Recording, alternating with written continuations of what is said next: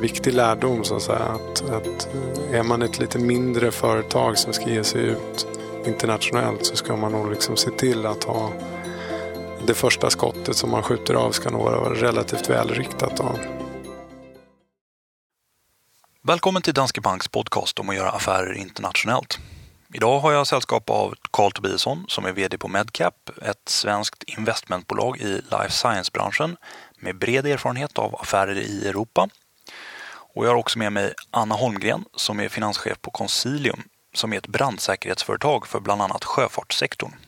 Det här företaget har en imponerande internationell expansion bakom sig och har idag kontor över i princip hela världen. Här pratar de bland annat om fördelarna med att växa genom att förvärva bolag i utlandet och hur man lyckas med en internationell expansion. Okej, tack för att ni kunde komma båda två, Anna och Karl. Varmt välkomna. Anna, om jag skulle kunna börja med att fråga dig då. Skulle du kunna berätta lite kort om Consilium och vad det är ni gör? Absolut. Eh, Concilium Consilium är börsnoterat på small cap. Vi omsätter cirka en och en halv miljard och har fler än 750 anställda. Consilium marknadsför, eh, producerar och eh, säljer säkerhetsutrustning, framförallt brandlarm och även brandsäkerhet till oljeindustrin. Och eh, vi är marknadsledande inom brandlarm och vi börsnoterade sedan 94. Och hur långt ut har ni nått ut i världen? Oj, vi har 55 kontor i 25 länder så att vi finns i många länder. Kan du berätta lite om hur och när den här expansionen började? Jag skulle vilja säga att det är ungefär sju år tillbaka som vi har börjat expandera hårt.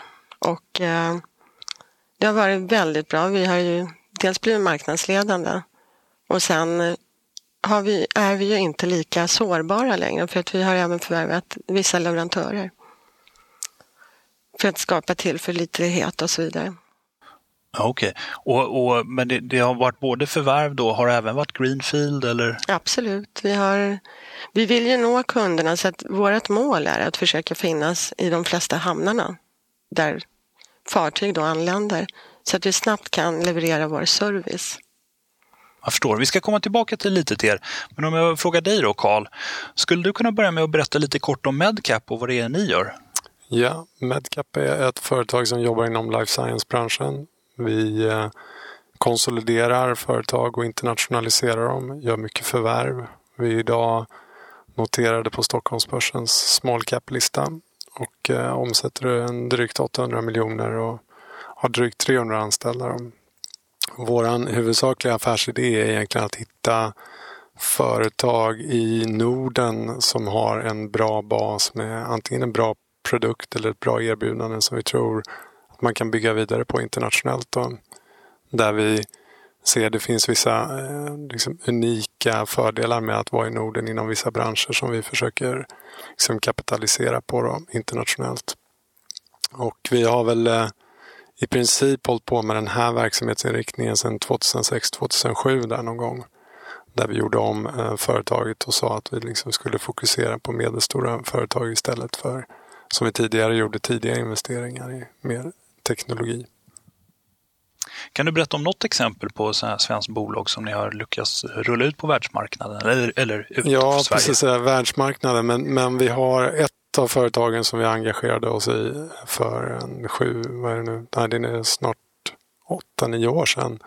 Ett företag inom hjälpmedelsbranschen som, som då i princip hade säga, en väldigt stark bas i Sverige. Man hade börjat i Europa. Eh, och, eh, men där, det vi har gjort där är i princip liksom att vi har använt den plattformen och den, den goda renommén och de produkterna som finns inom det företaget. Och gjort både tilläggsförvärv då internationellt i, i Norge först och sen i Storbritannien. Men också expanderat eh, genom distributörer och, och också gjort en greenfield-satsning i Danmark. Då. Så det, det, är den typen av, av eh, så att säga, expansion och, och, bolag som vi vill hitta. Och det som är intressant just med hjälpmedel och den typen av hjälpmedel som det här företaget Abilia sysslar med, det är ju att Sverige och Norden har en särställning där, där man har en väldigt lång tradition av att försöka säkerställa att eh, den som behöver hjälpmedlet ska få en självständighet i vardagen. Och, och den, den principen och den filosofin har liksom expanderat ut i andra delar av världen och vi tror att det finns liksom mycket kvar att hämta där. Och det, det är väldigt naturligt för oss att tänka så som skandinaver så att säga. Att det är, hjälpmedel ska ju vara till den hjälpbehövande så att den blir mer självständig. Men det är inte en helt naturlig tanke utanför Skandinavien. Men det börjar, det börjar ta sig. Ni arbetar med flera olika bolag. Har ni samma utrullnings eller expansionsstrategi för alla de här eller är det individuell, individuella planer för var och en? Nej, det är väldigt olika såklart då, givet eh, både förutsättningar för företaget men också branschen. Och vissa företag som eh, vi är engagerade i har inga egentliga möjligheter att expandera liksom på egen hand utan de måste bygga det på ett annat sätt. Och då har vi byggt både med distributörer i vissa fall men även eh, med industriella partners som kan täcka en större geografisk yta. Så det är helt beroende på, på case, att säga, på, på vilket typ av företag som, som engagemanget är i. Då. Och vilka skulle du säga har varit de stora eller största utmaningarna när det gäller att liksom rulla ut och expandera internationellt? Finns det några gemensamma stora hinder som brukar, man brukar försöka jobba med? Alltså vi, min, min bild och min erfarenhet är ju liksom att kokar ändå ner till människor. Då. Och eh, i de fall där, där det har gått väldigt, väldigt bra, nu liksom, då, då, är det ofta en eller ett par eh, bra personer som vi liksom har kunnat samarbeta med på ett bra sätt och som har varit långsiktiga och som har fungerat. Och, och i de fall där det har gått eh, mindre bra, då kanske till och med riktigt dåligt, så är det ofta det det handlar om. att Vi har så sett tagit ett, eh, ett bett på fel person inledningsvis. Då. Och det kanske inte nödvändigtvis visar sig efter tre månader men det, det brukar ju sippra fram då efter lite längre tid. Då. Och det där gäller väl generellt så att säga om man, om man tittar i de fall där vi har gjort förvärv eh, som har varit mindre, mindre framgångsrika. Då är det oftast någonting med personerna. Sen samma sak när vi har startat Greenfield då egentligen. Men okej, okay, då kan man ju säga att personer kan man alltid byta. Och det är alldeles riktigt att uh, ofta så kan man ju det. Men då måste man ha en infrastruktur runt den personen då när, när man gör det bytet. För, och, och, det är väl det som vi i den, så att säga, de här riktigt små satsningarna eller små marknaderna så blir det, blir det personberoende helt enkelt. Det är väl den gemensamma nämnaren tycker jag där det liksom har funnits utmaningar. Jag förstår. Känner du igen dig i det här, Anna? Är det en stor, viktig faktor för er eller till och med kanske den viktigaste faktorn? Eller? Jo, jag håller med om det. Det är jätteviktigt med rätt person i ledningen och så vidare. Så att det, det är väldigt viktigt. Men vid sidan av det här med, med individer då, vilka andra utmaningar har ni stött på eh, när det gäller att expandera internationellt? Jag tänker på saker som att navigera reglering i andra delar av världen, eh, juridiska skillnader, den där sortens saker. Hur hanterar man sånt? Jag ska börja där. Alltså jag, min bild är väl liksom att eh, man måste göra hemläxan såklart. Eh, och det, det är relativt lätt att få tag på bra, bra expertis. Så att säga. Man kan ju ta hjälp av både liksom, konsulter som har sin bas här i Sverige om, om det skulle behövas. Man kan ta hjälp av andra personer som man vet har jobbat i de miljöerna och sådär. Regulatoriskt brukar det vara, liksom för våran del, då, under kontroll så att säga. Vi jobbar ju generellt sett i Europa, vilket är relativt sett likt. Då. Eh, så att jag, jag tycker att de bitarna kan man få kontroll på innan utan att det behöver vara några stora överraskningar. Det, det är i alla fall min bild. Om. Sen kan det ändå hända saker under resans gång som man inte har förutsett. Eh, men det, det tycker jag är enklare att hantera än, än så att säga, när man så att säga, inte, inte har kontroll på personerna faktiskt. Men som för er då, Anna, ni, ni sträcker ju ganska långt utanför Europa, i princip runt hela världen. Eh, hur, hur ser du på de här frågorna med liksom eh, kontroll och, och liksom att ha överblick och, och, veta vad det är man ger sig in på när man ska så långt bort? Mm, vid större förvärv så anlitar vi också konsulter i respektive land. Då. Och eh, det är ju framförallt de legala bitarna som är en stor fråga för oss. Ja. Och, eh, men vi väljer också att redan innan förvärvet anlita de här personerna. Och är det liksom lokal kompetens, svensk kompetens eller Nej, är det de lokal. stora internationella? Lokal kompetens. Det är lokal. Mm. Även i uh, mindre utvecklade marknader? Det beror på hur stort förvärvet är. Vi har ju kompetensen in-house, så att säga, inom ledningen. Men i många fall när det just det gäller legala biten så behöver vi hjälp. Och, men inte kanske alltid i de mindre förvärven. Och oftast handlar det om att hämta hem vinsterna till Sverige. Och där finns det oftast ett problem i vissa länder. Men, men är det sånt som lokala firmer kan... Annars föreställer man sig att det kanske är de här stora internationella drakarna som sitter på den sortens kompetens. Ja, vi har ju till största delen PVC så att de kunskapen finns ju även där på plats. Ja, jag förstår. Och, eh, men det där är intressant det här med att hämta hem vinsterna. För det, det, är liksom, det är en sak att expandera ut och starta upp eller, eller köpa någonting och det är en annan sak kanske att driva den här dagligdags den här verksamheten och behålla kontrollen. Eh, vad skulle du tänka säga är viktigt att tänka på när man sen har kommit ut och, och verksamheten är up and running? Jag tänker återigen på det här med överblick och kontroll och mm. administrativa svårigheter. Nej, alltså vi, vi jobbar ju ganska tajt med de här dotterbolags vd som, som har ett, kan ha ett geografiskt ansvar då i en specifik marknad och, och följer dem väldigt tajt. Eh, och också såklart att supporta dem mycket. Så att det går i båda riktningar. Och, eh, Eh, men, men jag tror ändå att det är klart att man måste ha en bra så att säga, ekonomisk liksom, kontroll över verksamheten och liksom följa upp den. Men det, det, finns, det finns ingenting som ersätter att vara på plats. Då. Och det är inte bara så här, rent faktiskt att, eh, att se att verksamheten fungerar som den ska utan det är också först då som man får liksom, en, eh, naturlig liksom, återkoppling på något vis. Va? Det är de här korridorsnacket som man pratar om. Det, det finns ju även liksom i andra delar av världen och det är viktigt att vara liksom på plats och få en del av det. Också som en del av, inte kanske kontrollmekanismen, men också för att förstå, liksom, okej, okay, är vi på väg åt rätt håll? Eller hur, hur, hur mår medarbetarna här och liksom, vad fungerar de här nytillsatta cheferna och så vidare. Så det är viktigt för oss också. Då. Så är du ute mycket på fältet? Jag försöker så mycket som möjligt. Nu har vi liksom en, en situation där vi är väldigt Eh, förvärvsintensiva då, vilket tenderar till att liksom låsa ner eh, mig själv och, och, en del andra i min organisation under perioder då, på, på väldigt specifika förvärv. Då. Men annars försöker jag vara ute så mycket jag kan. Då. Så ni är båda noterade bolag också. Eh, vilken betydelse har tillgången till eh, aktiemarknaden haft för er möjlighet att expandera? Vad säger du Anna? Ja, i vårt fall har det varit väldigt betydelsefullt. Vi har haft möjlighet att kunna lämna ut en företagsobligation för att kunna finansiera delar av våra förvärv. Vad tycker du? Har det varit viktigt för er, Karl? Ja, jag tror det har varit viktigt eh, av flera skäl. Då. Ett skäl är ju att vi emellanåt har använt lite aktier, inte så mycket, men i olika transaktioner. Men det är också en väldigt trovärdighetsfråga då, som på något sätt eh, ja, men den sätter standarden så att säga i de här diskussionerna. Så det har varit väldigt viktigt tror jag.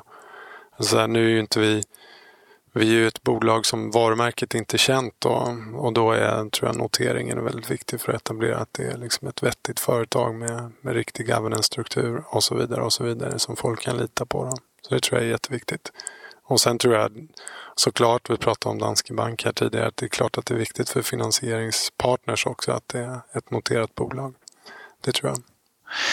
Vi har ju nyligen gjort en undersökning bland 800 företagsledare i Norden, 200 per land då, där det framkom att en av de största utmaningarna vid affärer utanför Norden var just att hitta och få kontakt med nya kunder. Ja, skulle ni vilja berätta lite om hur ni liksom kommer i kontakt med, när ni kommer ut på nya marknader, hur kommer man i kontakt med nya kunder här? Som, som vi har jobbat eh, kan man säga att det är väl huvudsakligen två stora spår då, om man inte pratar förvärv. Då. Det ena spåret är att vi har bearbetat eh, industriella partners. Det är typiskt sett företag som är väldigt mycket större än oss själva då, men som kan ha en nytta av våra produkter i sitt erbjudande. Och det har fungerat ganska väl på sina ställen. Då. Man blir ju liksom i viss mån beroende av den här parten då när, när de kanske växer och tar en större del av ens totala omsättning. Då. Det är väl möjligen något som man får liksom om det går bra så får man se upp för det. Men det är det ena sättet. Och det andra är ju att vi har liksom jobbat genom distributörer. Då. Och egentligen båda de här två modellerna har haft eh, liksom olika vägar för att nå till det. Typ vi är ju såklart som alla andra på mässor och liksom diskuterar. Vi har även gjort liksom rena cold calls in på så distributörer eller industriella partners som vi tycker verkar vara intressanta. Eh, vi har också jobbat en del med sådana här som till exempel Business Sweden och så som har kartlagt vissa marknader vi själva inte liksom har någon kapacitet att jobba. Så att vi har gjort det på väldigt många olika sätt. Då. Men eh, man kan säga att slutresultatet är ändå att eh, det, det är väldigt olika hur bra det fungerar beroende på marknaden. Det är väldigt svårt att bedöma innan. Utan i vårat fall så har vi helt enkelt fått tro på någonting och så har vi fått gott med det. Då. I något fall kanske det har varit någon lite större företag som har kunnat haft våra produkter i sitt sortiment då, och så har vi liksom hoppats på det och i vissa fall har det fungerat väldigt bra. Och i andra fall när, när de märker att det här var inte för dem, jag menar då, då tappar de intresset. Då. Så det är lite, lite uh, olika där och väldigt olika sätt att hitta fram till dem. Då. Och för er då Anna, när, ni är ju väldigt aktiva både på förvärvssidan och, och, eh, och expanderar organiskt kan man väl kalla det, eller växer organiskt. Vad är de viktigaste skillnaderna här tycker du? Dels tar det mycket längre tid att växa organiskt. Eh, anser jag. Att förvärva ett bolag, ofta, de har ju alla rutiner på plats. Att starta ett eget bolag, det tar tid att bygga upp. Betydligt längre tid än att förvärva. Och Carl, ni arbetar ju också både med förvärv och mm. att försöka växa verksamheten organiskt. Vilka tycker du är de viktigaste skillnaderna och för och nackdelar med det här? Det, det är klart att det går mycket fortare med förvärv. Eh, och, och man får en färdigare plattform normalt sett. Då. Den stora nackdelen med förvärv är ju såklart att man vet inte vad som finns under alla stenar oavsett hur bra det är det man gör så att säga. Så det finns saker som man liksom inte kan känna till. Då. Och, och det är väl ehm, om man säger det slipper man om man startar Greenfield då, men man ska ha väldigt mycket mer tid på sig och ha accept för det. Då.